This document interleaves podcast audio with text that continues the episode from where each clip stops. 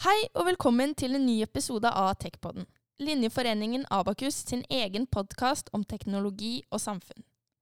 Her i Techpodden så ønsker vi å se nærmere på aktuelle temaer innenfor data og informasjonsteknologi. Vi hører hva representanter fra næringslivet har å si om disse, og vi kommer med noen av våre egne tanker om hva dette er å si for fremtidens teknologer. Mitt navn er Helene Bjørnsen, og med meg i dag har jeg Marius Arder. Ja, og i dagens episode av Techpoden skal vi se nærmere på personvern. Vi skal se litt på hva personvern er, hvorfor dette er så viktig, og hvordan vi burde forholde oss til personvern i fremtiden. Både som privatpersoner og utviklere. Og til å prate om dette har vi fått med oss Simen Sommerfelt. Simen er ekspert på personvern og jobber til daglig som CTO i Bouvet. Simen er også stedfortreder i Personvernnemnda og har til og med skrevet en egen bok om personvern. Velkommen skal dere være til en ny episode av Techpodden.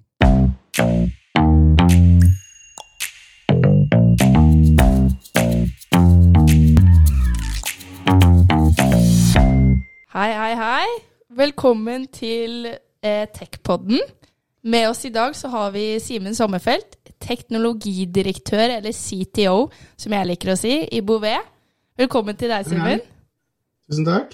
Hvordan står det til? Ja, Veldig bra. Veldig Dette gleder jeg meg veldig til. Ja, Du Marius, du er klar? Jeg er klar, og jeg gleder meg veldig til å lære mer om personvern i dag. Ja, jeg òg. Eh, og Simen, før vi setter ordentlig i gang her, så burde vi jo kanskje få avklart hva personvern egentlig er. Altså, jeg syns faktisk Datatilsynet har, har det veldig godt forklart på sidene sine. Og, og Personvern det handler jo om retten til et privatliv og retten til å bestemme over egne personopplysninger. Og For alle mennesker har en ukrenkelig egenverdi, og som enkeltmenneske så har du derfor rett på en privat sfære som du selv kontrollerer. Og, og Dette prinsippet er faktisk forankra i det europeiske menneskerettighetskonvensjonen i artikkel 8. Så Det handler egentlig om eh, menneskerettigheter i en digital verden. Men GDPR, da? Hvorfor er det så mange som bruker det ordet? Hva er GDPR? GDPR er et europeisk lovverk som eh, ble innført i 2018, og, det, om, det erstatter personopplysningsloven i Norge. Ok. Altså, og det betyr at alle europeiske borgere skal bli behandla likt. Og og det skal lette, Egentlig så var det en, en idé også å gjøre det lettere å handle på nett. Eh, Fordi, fordi at man da vet hvordan Du kan stole på da, at personopplysningene dine blir behandla riktig, uansett hvilket land du handler hos. Ok, Så det er på en måte bare et lovverk alle skal rette seg etter? Ja, det er et europeisk lovverk som Mm. Norge også har ført rett inn i norsk lov. Så det erstatter det er erstattet av ganske store deler av den norske loven om personvern. Ok. Men så, som, eh, som privatperson, da, som, eh, som Marius meg, denne ungdommen, så, så er det personvern jeg egentlig burde bry meg om, ikke tenke så mye på GDPR. Nei, GDPR er lovteksten om du vil, da. ikke sant? Eh, og det er, de går jo litt over hverandre. For at, eh, som jeg sa, da, så er den eh, lovverket er jo da uttrykt gjennom disse artiklene fra GDPR. Men det, det handler om personvern. Men, men eh, hvorfor er det behov for personvern? Du nevnte menneskerettighetene, men hvorfor er det viktig? Altså, Hvorfor burde vi bry oss om, om personvern? Det, har, det er faktisk litt med bærekraft. Fordi mange tror at bærekraft bare handler om miljø. Men det handler også om at vi skal ha et bra samfunn hvor folk har frihet, hvor de kan ha sitt privatliv. eh, Og, og, og kunne uttrykke seg og føle at de, de kan ha fortrolige samtaler med noen. Og at de, deres opplysninger ikke blir solgt og brukt mot dem, eller noe sånt, uten at de er klar over det. Og selv her i Norge, altså jeg føler meg ganske trygg på dataen min her i, her i Norge. Er det fortsatt noe jeg burde tenke på, på da? Eller? Ja, altså Når du bruker iPhone eller Androiden din, så legger du en digitale spor hele tiden. Det er som en sånn brødsmulesti. Mm. Og, og hvordan du beveger deg, f.eks. geografisk, det for, kan fortelle mye om, om deg. Nå, nå bruker jeg ikke deg som eksempel, la meg si at det er en, en voksen mann som eh, tilfeldigvis er på en homsebar. Eh, Et fysisk sted, en homsebar. Han bruker Grinder-appen, som Ja. også rapporterer tilbake hans seksuelle preferanser. Men han er jo også formann i menighetsrådet, og kanskje også en politiker eller en politimann. Oi, ja. Så har vi plutselig fått en del sensitive eller særskilte former for personopplysninger som kan, være litt farlig at det lekker ut. Eh, og noe annet er jo dette her gjelder jo også barn, ikke sant. Så, sånn at eh, på en måte, Og det noen gjør, er at de lager sånne slags skyggeprofiler av deg på nett, da, som de selger. Og, og, da kan du senere komme i ubehag, eller faktisk det kan brukes mot deg uten at du i det hele tatt er klar over at noe har skjedd. Og så har vi jo sånne ting som Det har vært noen skandaler rundt at sykehusjournaler er kommet på avveie, eller Nav-ting. Og da får man jo innblikk i ting man ikke skal ha innblikk i. Eh, hvis det er noen som har vært utsatt for overgrep, eller noen som har en dom mot seg, eller slike ting, ja. så kan jo de, de, Hvis de har gjort opp for seg, f.eks. en som har vært kriminell, da, så, jo, så, får han en dårligere sjanse i samfunnet hvis, eh, hvis, dette kommer ut. Men disse brødsmulene de legges igjen overalt? Gjennom alt jeg ja. gjør? Eller? Du, det kommer litt an på faktisk hva slags mobil du har, for Apple er mye flinkere enn Android. Mm. Og Grunnen til det, det er at Google lever Mye av inntekten deres kommer av annonsesalg. Eh, så Derfor så lar de De er litt mer slepphendte på at dette her kan spores. Og så Alle de appene du bruker, jeg vet ikke om du bruker Facebook, men kanskje du bruker TikTok eller du bruker eh, Instagram, så, så kan det hende at noen faktisk samler inn denne informasjonen som du legger inn på tvers, på tvers av disse appene. Og da får de på en måte et slags bilde av hvem du er. Og det mest uskyldige er jo det at man kan få uh, skreddersydde annonser. da, ikke sant? At Hvis det er en de legger merke til det er mye til skog og mark, så kanskje han kan få noe in, uh, reklame for en fiskestang. Mm. Ja. Og det er jo det mest uskyldige. Mm. Uh, og så har du alle de mindre uskyldige sidene som, som dessverre følger med. Men, men, hvorfor er de så interessert i meg? Hvem, uh, hvorfor er de så interessert For de tjener penger. Ja. Eh, eh, for markedet er så stort, sånn at når de har titusener av folk eller millioner av folk, så vil det lønne seg for dem å kunne forstå og Vi kaller det for targeted advertising. At du, at, du, faktisk kan gi noe som du vil trigge deg til å kjøpe noe. Mm. Og det som er høyest valuta, det er faktisk graviditet og kreft. Fordi eh, hvis du er gravid eller har kreft, så må du gjøre noe. Ja. Du må kjøpe, ble, kjøpe bleier, kanskje, du må kjøpe et eller annet. Og, og hvis du er, hvis er sjuk, så må du også gjøre noe. Du må få en behandling, du er kanskje litt desperat og kan bli lurt. Så det er faktisk de opplysningene som står høyest i kurs. Det, det minner meg om en, Jeg hørte en historie det var fra USA hvor en, en far hadde vært rasende på jeg tror mener jeg husker at det var Walmart, en av de større kjedene der. Fordi datteren hans hadde fått øh, noe reklame for, øh, ja, for barnetøy. For, sånn, riktig. Og det er, det er, et godt eksempel uh, hvor det viste seg at hun var gravid. Oi, så, så han fikk vite det på den måten. Men det sier jo litt om hvor, hvor, verdifull og hvor mye informasjon man kan få ut fra dataen som samles om deg, da, uten at man tenker noe ja, over ja, det. Ja. Og det fine er jo dette med GDPR, da, at det faktisk gjør at teknologien vi har, skal tjene oss, og at vi ikke skal bli slaver av det. Ja. Så Du har jo f.eks. Kina, hvor de har noe som heter Social Credit System. som jeg vet ikke om dere har hørt om en forfatter som heter George Orwell. Han skrev en bok som het 1984 om et sånt veldig totalitært samfunn hvor alle visste om alt. Ja. Der har det gått helt av skaftet. ikke sant? Mm. Og I USA så har de også veldig mye dårligere personvern. Mens jeg, jeg, er ganske glad for at vi fikk GDPR, for da kan vi ha teknologi i Europa på våre premisser. Ja. ja. Men hva skjer hvis man ikke innretter seg de premissene? da? Hva skjer hvis man bryter GDPR? Regelverket. Du tenker at F.eks. et firma da, som, eh, som, ikke kan noe om det. og det her er jo spesielt relevant for, for vi som er programmerere eller driver med design av tjenester, er at uh, du kan få en bot mm. av Datatilsynet, og du kan også få et omdømmetap. Dvs. Si at det kommer opp i media at, det, at du ikke fortjener tilliten til de du vil ha som kunder. Ja.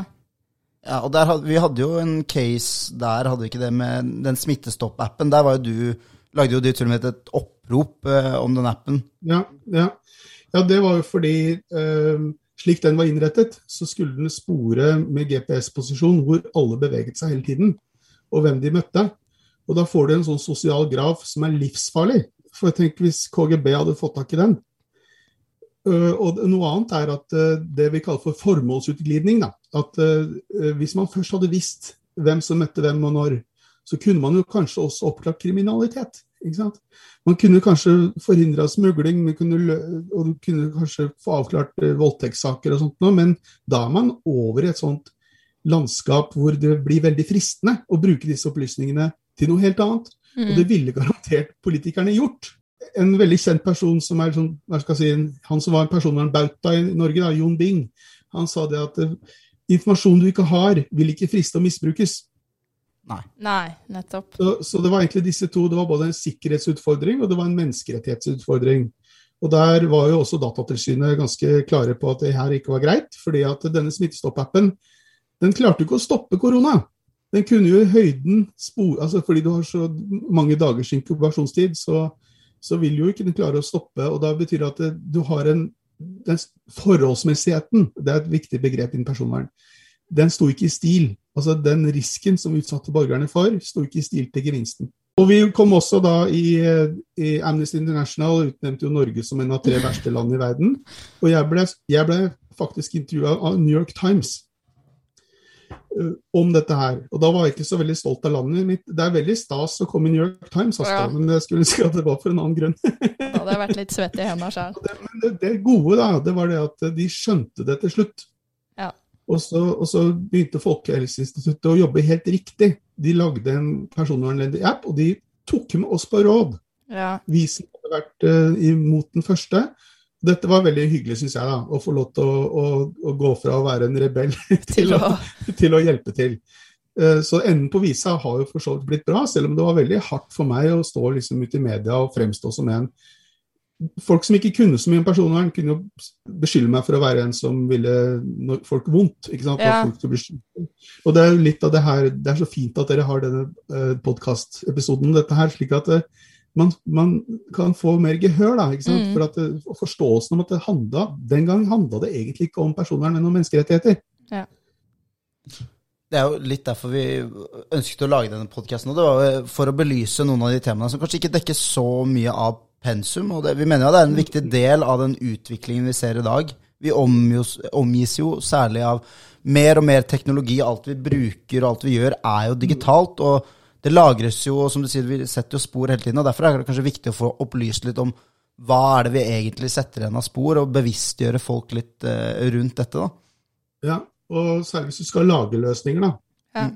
Ja, for, det, for det, de som uh, du kan si de som lager dataprogrammer, de er med og bygger vår digitale verden. Ja. Som du var inne på. Og, og, da må vi ha ting som gjør at vi kan fortsatt ha det fritt, og være mennesker som får lov til å ha privat sfære.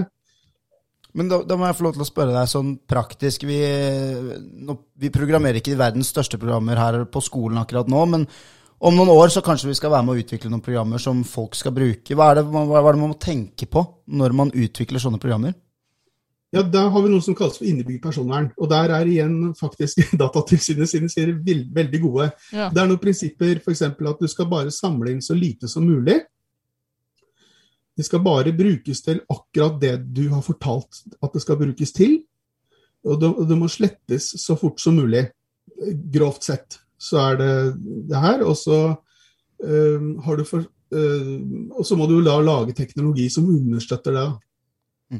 Men går ikke det helt imot mange av de businessmodellene til f.eks. Google og Facebook og hele pakka? Jo, derfor så er det jo stadig rettssaker imot dem, da. Ja, det er det. Uh, men det som er litt kult, da, det er at Apple nå med siste IOS-oppdateringer, det som kommer snart, så ja. vil det nesten gjøre det umulig for uh, apper å, å, spore deg på tvers. Og det har blitt da har jo Facebook blitt så sinna, for de har tatt med buksene nede. Så de, så de har jo virkelig Eh, begynt å protestere mye og sier at Apple ødelegger forretningsmodellen deres. Og svarte Tim Cook ganske bra. Vet du, hva, Jeg bryr meg ikke om Facebook. Jeg bryr meg om, eh, om, eh, om folka som er Apple sine kunder. Og nå må du ikke forstå slik at Apple egentlig er noen skal si, helgener. Nei. Det er bare fordi at deres forretningsmodell handler om å selge dyre iPhoner og ha AppStoren som de kan tjene penger på. Ja. Derfor, av en eller annen, så av en tilfeldighet så tjener ikke de penger på personopplysninger. Og Derfor så kan de liksom heise det hvite flagget og si 'vi er flinke, vi'. ikke sant? Så, men det, det, er også noe med det å forstå forretningsmodellen og driverne til disse selskapene. Og tilfeldigvis så er Apple innmari gode på sikkerhet og personvern. Og men, det er bra. Men når det da kommer til forretningsmodeller nå fremover, vi ser jo at det er stadig flere som ønsker å samle inn data, og som lever på det å samle inn data. Og mm. forbrukere ønsker jo gratis programvare og gratis apper. De vil ja, ikke betale ja. for så mye lenger. Det er et veldig godt poeng. at uh, hvis, eh, hvis, det er noe som fremstår som en gratis tjeneste, så vil du være varen. Jeg merker det. det jo... Så, så ta, la oss ta Grinder, da. Eh, som eh, de fleste lytterne sikkert vet er en sånn sjekkeapp for, for homofile. Så er jo den gratis. men det, det har kostet å lage denne appen. Det koster å drive datamaskinene som utgjør serverne. Og da tar de igjen det med annonsesalg. Ja. Og da, det Grindr har gjort, er da å dele litt opplysninger med dette annonsenettverket, og så, og så vil annonsenettverket selge det videre bakover. Så, så det, du, det, det som jeg tror forbrukerne må finne seg i, det er å betale litt. For da er det mye mer realt. At, eh, si at du hadde betalt eh, 20 kroner da, for å bruke Grindr i måneden, Mm. så kunne de sluppet å gjøre det her. Men du må bel men, så du kan egentlig velge om du har lyst til å betale med penger eller sjela di, om du vil. penger at, Penger eh, eller sjela. det er nesten sånn, ja, men det er mye mer, det er mye mer ærlig, da. Ja. Up front. Men Tror du, tror du vi kommer til å se flere sånne forretningsmodeller i tiden fremover?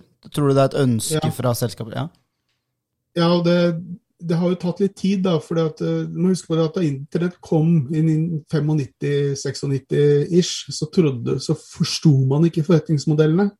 Og, og alt skulle være gratis og sånn, og så sleit eh, disse selskapene med, med å selge vanlige annonser, og så ble det til slutt Det som var enden av det, var en slags overvåkningsøkonomi. Altså det jeg snakka om nå med disse, disse sporene som blir solgt og sånn. Men det er nå i ferd med å modnes litt. Jeg tror det var Eirik Knut som sa det at eh, politikken vil alltid streve med å ta igjen teknologien. Ja. Men, men her med GDPR så tok, tok den igjen teknologien. Og, og, men det har tatt tid. Og, men etter hvert så begynner disse forretningsmodellene å endre seg. Og selv Google nå har jo sagt det at de ikke lenger skal tilby tredjeparts-cookies på nettsider. Så de har jo også begynt å ta til vettet. Ja. Så det er, det er noen lyspunkter eh, i den bransjen her. Ja, ja, ja. ja, ja. Men jeg, jeg syns du toucher innom et, et spennende tema her. For en bekymring jeg har, er jo det at uh, vi ser at det utvikler seg, teknologien utvikler seg bare fortere og fortere.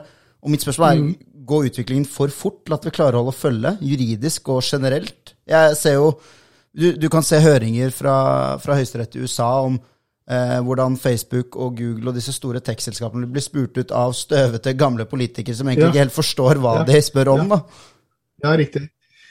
Eh, nei, jeg føler at med GDPR så har vi på en måte klart å sette ting hvor de skal stå, men det, men det er jo eh, det, det, må, det må gå seg til. Og et, et annet viktig poeng er jo også dette med bruk av eh, AI-algoritmer, og hvordan det også kan eh, Og der har det også veldig viktig personvernhensyn som må tas. Da, at du f.eks. ikke har en algoritme som diskriminerer, Mm. eller at man eh, bruker det til å ta feil avgjørelser. For eksempel så hvis du skal søke om trygdebistand, så har ikke Nav lov til å bruke en algoritme, fordi eh, avgjørelsen må kunne forklares til deg. Ja. Og man kan jo ikke forklare en avgjørelse i et nevralnett, veldig enkelt, til, eh, til folk. Eh, Så jeg føler at det egentlig er ganske godt eh, ivaretatt, men det må gå seg til. Hvor, hvor vil du si at ansvaret for at personvern blir opprettholdt ligger? Ligger det på myndighetene? Ligger det på de som utvikler teknologien? Det ligger hos det, det org-nummeret i Brønnøysundregisteret, kan du si. Det, denne virksomheten som bestemmer hensikten for bruken av dataene. Ja. Så hvis jeg driver en nettbutikk, så har jeg den et org-nummer, og da er jeg behandlingsansvarlig, som det heter. Mm. Det vil si, da må jeg ta ansvar for å, at lovverket blir fulgt. Men da er det jo kjekt at uh, de teknologene som blir utdannet nå, kanskje får et litt økt fokus på det òg. At de er klar over det når de utvikler teknologi. Ja. Og, og jeg var med i noe som het Rosing Coding Challenge. Der var jeg med i juryen, hvor vi skulle utnevne uh, programmeringskonkurranse. Men der tok vi også med noen spørsmål om sikkerhet og personvern og etikk. Mm. Fordi vi mener at, eh, og det, det mener vi i hele industrien nå, det er at uh, utviklere må faktisk være i stand til å ta, det, ta et større ansvar. Ja.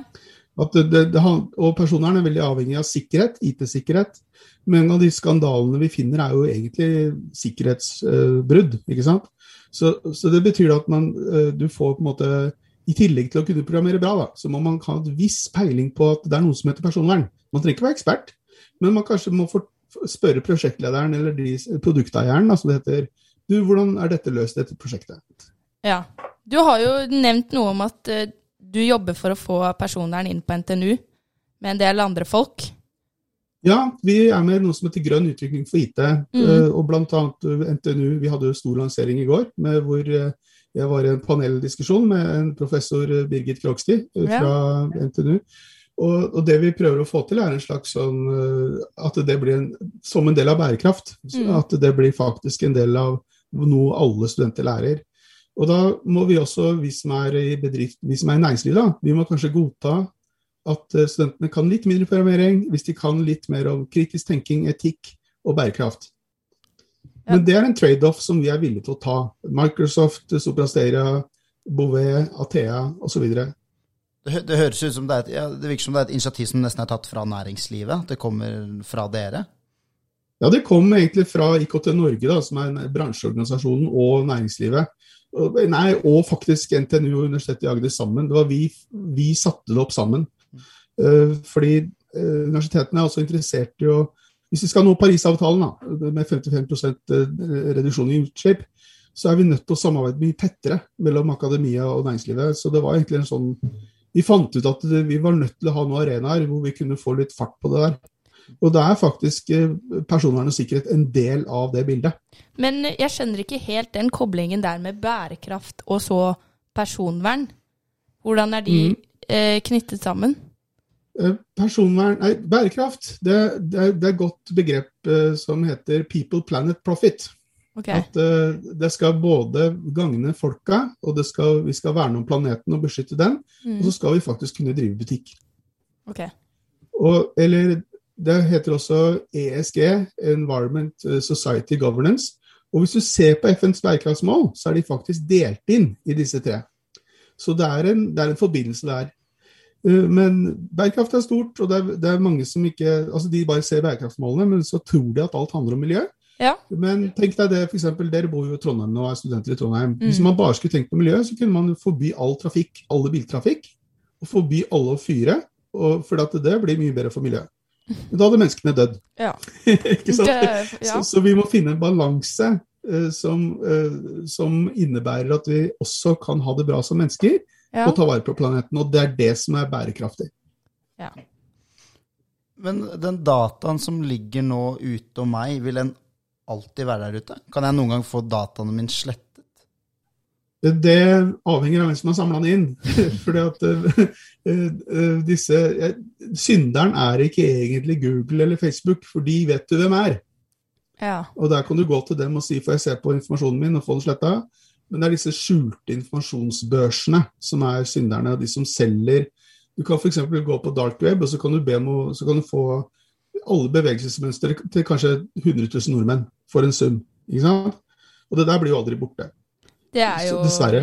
veldig Hvor mektige blir jo ikke de, da? Det er jo utrolig skummelt å tenke på. Ja, det er, det er veldig skummelt, og jeg tenker spesielt på at det her også kan gjelde barn. At du Ja. har på en måte Du kjøper og selger eh, unger, og det liker jeg ikke i det hele tatt. Nei, var det ikke For da har du på en måte skapt en sånn Tenk, ja, ikke si ungdommer, da. Altså, hvis man er homofil eller du har slitt med et eller annet, eller what not, og det er ikke så farlig i Norge kanskje, da, men i andre land, så, så blir det aldri borte. Du vil ha en slags, sånn derre- en slags arkivversjon av deg som, som blir kjøpt og solgt uten at du vet om det, som kan brukes mot deg. Og det er jo viktig å understreke, det er jo ikke det at det er jo ikke nødvendigvis at det er farlig at hvis man har et problem og har vært inne på en spesiell side, eller som du sier at man er, har en annen seksuell legning, det er jo ikke det som er farlig i seg selv, men det kan jo være i, Nei, nei, nei. i, satt inn i Nei, men jeg mener at det, det, det er nettopp det jeg mener, at man skal få lov til å ha det i fred. Mm. Dette er Mm. din privatsak, og den, den har ingen andre noe med. Sånn Georg Apene, som tidligere direktøren i Datatilsynet, sa du kan sammenligne det litt med å gå på do. Der lukker jeg døra, og jeg driver ikke min ulovlig inne på doen, men ingen har noe med hva jeg Med- gjør der. Nei, det Ja. Men hva, hva vet vi om disse kall det mørke aktørene, disse bakaktørene som, eh, som samler inn data? Hva er det vi vet om de? Uh, uh, hva vi vet? Altså, vi vet jo at du, du kan kjøpe tjenestene av det så du vet hvem de er, men de driver jo ikke lovlig. ikke sant? Så de føler jo ikke det at de er omfattet av GDPR. Så det nytter jo ikke på en måte å ta dem. Men det de kan ta, du kan få de tjenestene du bruker. altså ikke, Bruker kanskje ikke du Grindr, men det er noen som f.eks. alle de andre appene du har på mobilen din. Og så kan man jo da velge de appene som du må betale litt for, og som ikke har annonser. ja. Og, og, og da, da kan man jo forhindre mye. Men det er jo liksom sånn Jeg da, jeg elsker jo TikTok og Instagram og Snapchat og Ja, ja, ja, Det her er jo gratis. Skal jeg bare Hvis jeg Nei, ikke vil at en du... Voldemorten skal ha Nei, men skal ikke bli sånn tinfoil hat-folk. Eh, Nei, nei, eh, men- Jeg bruker jo de appene sjøl, men på min iPhone så er jeg begrensa veldig hva de kan få av opplysninger å dele videre. Ok, ja. Ja, så det, Dessverre så blir ikke det respektert på samme måten hvis du har en Android-telefon, men i hvert fall hvis du har en iPhone, så kan du begrense veldig uh, hva den kan holde på å si tafse av dine data, og dele videre. Ja, for Snapchat, det, jeg har jo på sånn SnapMap, for jeg liker godt å se hvor vennene mine er og hva de gjør og sånn. Ja, ja, ja. Men det er jo egentlig litt skummelt at den appen til enhver tid vet hvor jeg er. Ja, og, og jeg har det Jeg må innrømme jeg har det sjøl, men bare ja. familien. Men, men det er noe med at eh, jeg tenker det må være en slags balanse der. Verden er ikke svart-hvitt. Og, og, det er noe med å ha en viss komfort og kunne være med sosialt. eh, og så Jeg begår en risk når jeg har disse appene, det vet jeg, men jeg prøver å begrense den. Mm. Og jeg er veldig nøye med hvilke apper jeg tar, jeg bruker. Så det er, det er vel ikke noe enkelt svar på det, men jeg tenker man skal ikke bli funksjonshemma i verden. Nei, man må jo få med seg noe greier er, det er heller det at vi Men sakte, men sikkert altså, Sånn som nå fikk jo Grinder en bot på var det 40 millioner kroner ikke sant? Ja. på grunn av det her. Så, så det, det som skjer, er jo det at etter hvert så vil jo dette skjerpe seg. Mm. Men det er viktig at vi som forbrukere krever det, og er, er klar over det. Ja, absolutt. Og at de som skal lage løsninger, ikke begynner med tull. Og det gjelder jo spesielt dere på NTNU. da, Ja, det, det blir jo fort Både- oss, da. Det å kunne være på en måte rak i ryggen og fortelle hjemme hos familien hva er det du driver med. Jeg driver og lager ting som lurer folk, jeg er ikke så ålreit. Så, så det å kunne være litt stolt vet du hva, vi, vi gjør det ordentlig vi er med sikkerhet og personvern. Da kan man være litt stolt av jobben sin. At du gjør ting som er redelige. Mm. Jeg tror det kan øke selvtilliten til folk også. At, at man på vet jeg gjør dette her riktig. Mm. Fra en forbrukerside, du snakket om at du er litt nøye i forhold til hva du velger å gi fra deg. Hvordan kan jeg være nøye i forhold til hva jeg velger å gi fra meg? Hvilke apper, hvordan skal jeg velge ut appene mine med omhu? Det er jo, for det første så må du så ikke tenke at du ikke har lov til å ha det moro, men du, på hver apps innstilling så kan du, det er noen som gjerne vil ha adresseboka di. ikke sant? Mm. Eh, Tenk, eh, Typisk eksempel er en lommelykt-app som var for noen år tilbake, som skulle ha adresseboka di. Hvorfor skal den ha det? Ja. Den har jo ikke noe med det å gjøre. Og Det, det kan du innstille ganske nøye, da, og egentlig gi dem. Og, og også kan du si at du får ikke lov å bruke geograf, geografisk posisjon når appen ikke er i bruk. Så det er egentlig det å gå gjennom disse settingene, og så setter de på et minimumsnivå. Hvordan vil du si at arbeidet med personvern er i Norge kontra andre land? Er det lettere, er det vanskeligere å jobbe med personvern her? Jeg vet ikke, men eh, Norge har egentlig vært litt eh, naive. Eh, Jeg tenker på Tyskland, og ja, særlig Tyskland så er de mye flinkere på personvern, for de har en litt mørkere fortid med, med nazisme og Stasi og sånt nå. Så de, eh, mens vi har litt sånn rørende tillitsfylt eh, forhold til myndighetene våre og firmaer. Vi, vi stoler på at folk vil oss vel. Så norske virksomheter og myndigheter har faktisk vært mindre flinke på personvern enn f.eks. i Tyskland. Så vi har et etterslep. Og, og utfordringen da er at hvis en tysker som bor på Majorstua mener at hans rettigheter har blitt eh, dårlig håndtert av en skobutikk Ja. på Majorstua, så kan han faktisk da eskalere denne klagen opp til eh, European Data Protection Board, hvis han føler han ikke blir nok godt nok ivaretatt av Datatilsynet. Så, eh, så det er det, Og det er nettopp slike ting som han Max Schrems driver med, da. ikke sant? Denne, denne, han østerrikeren Mm. som hele tiden er i krig med, med Facebook og sånt. Og Det, det, og det illustrerer at uh, vi, vi, er, vi, må, vi måtte løpe litt ekstra. Vi må, vi har faktisk litt å ta igjen på personer i Norge i forhold til land, en del andre land. Ja, for der, der nevner du jo han Max Schre... Schre jeg tar det på nytt. Schrems. Schrems, ja. Dette, Ja. for dette er også et uh, litt mindre kjent buzzword, men jeg har hørt om Schrems 2, for eksempel. Ja. Ja, det, altså rett, det, det var en rettssak som eh, gjorde at eh, Som egentlig fastslo at eh, man kan ikke ha personopplysninger i amerikanske eide selskaper egentlig, fordi det finnes noe som heter FISA 2 Act, et amerikansk lovverk, som sier at etterretningsmyndighetene skal ha lov til å få all informasjon som amerikanske selskaper har, også utlandet, og uten at den det gjelder blir opplyst om det. Og Dermed så har det blitt et stort problem for de som bruker skyteknologi. Ja. Og- det problemet er ikke slutt ennå. Eh, Men eh, det vi håper på, er å få en avklaring. At, eh, at det blir f.eks. KMD, Kommunal- og moderniseringsdepartementet eller noen andre, prøver å få en ordning i Europa. For vi kan ikke slutte å bruke skysystemer. Hvis du tenker på f.eks. bærekraft, da, så er det mye mer energieffektivt å bruke sky enn å ha masse servere stående ute og bromme og bruke energi. Det er et problem som vi ikke har løst ennå. Ja, det er jo mange utfordringer rundt det, særlig den Schrems-dommen gikk jo mye ut på hvordan du frakter data, og være bevisst på hva Ja. som blir fraktet Mm. inn og ut av EU, f.eks. Eh, Ja. Og, og, men vi har jo hatt flere møter med både Amazon og Google og Microsoft om det, og de, er, de, er, de oppfører seg så bra de kan, og de, de liker jo ikke det her, de heller, at, det, at den loven er slik.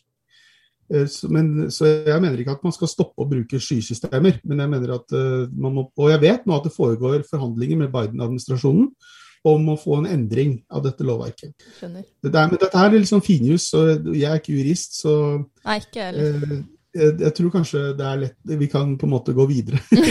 det, ble, det ble hodet mitt drev og surra fælt nå. Så Ja.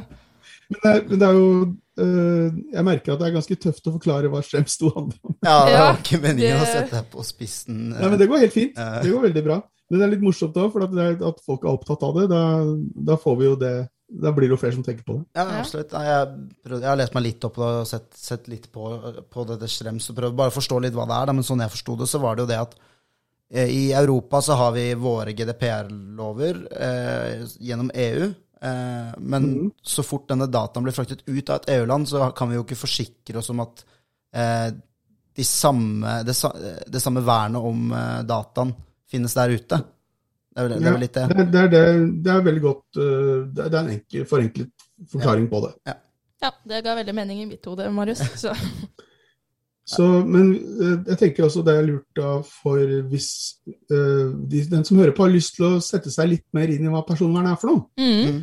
så, så er det, som jeg har prøvd å fortelle om flere ganger nå, så er det faktisk ganske bra forklart på Datatilsynets sider. Og så er personvern ganske stort, så det, det, det arter seg litt forskjellig hvis man driver som lege, eller hvis du driver som eh, nettbutikk, eller du driver med en kommune. Så er det, så er det ganske forskjellig hvordan eh, lovverket er. Så det, det kanskje kan være lurt da, å tenke på ok, jeg kan forstå hva personopplysninger er for noe, sånn grunnleggende rettigheter jeg har som forbruker.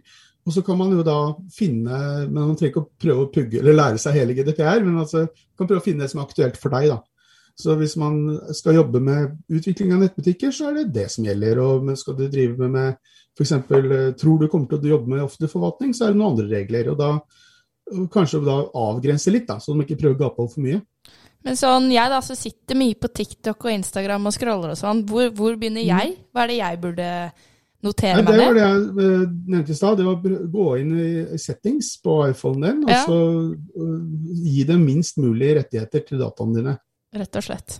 Mm. En applikasjon som heter Clubhouse, den, ville jo for eksempel, den krevde at hvis jeg skulle verve andre, så måtte jeg dele hele adresseboka mi.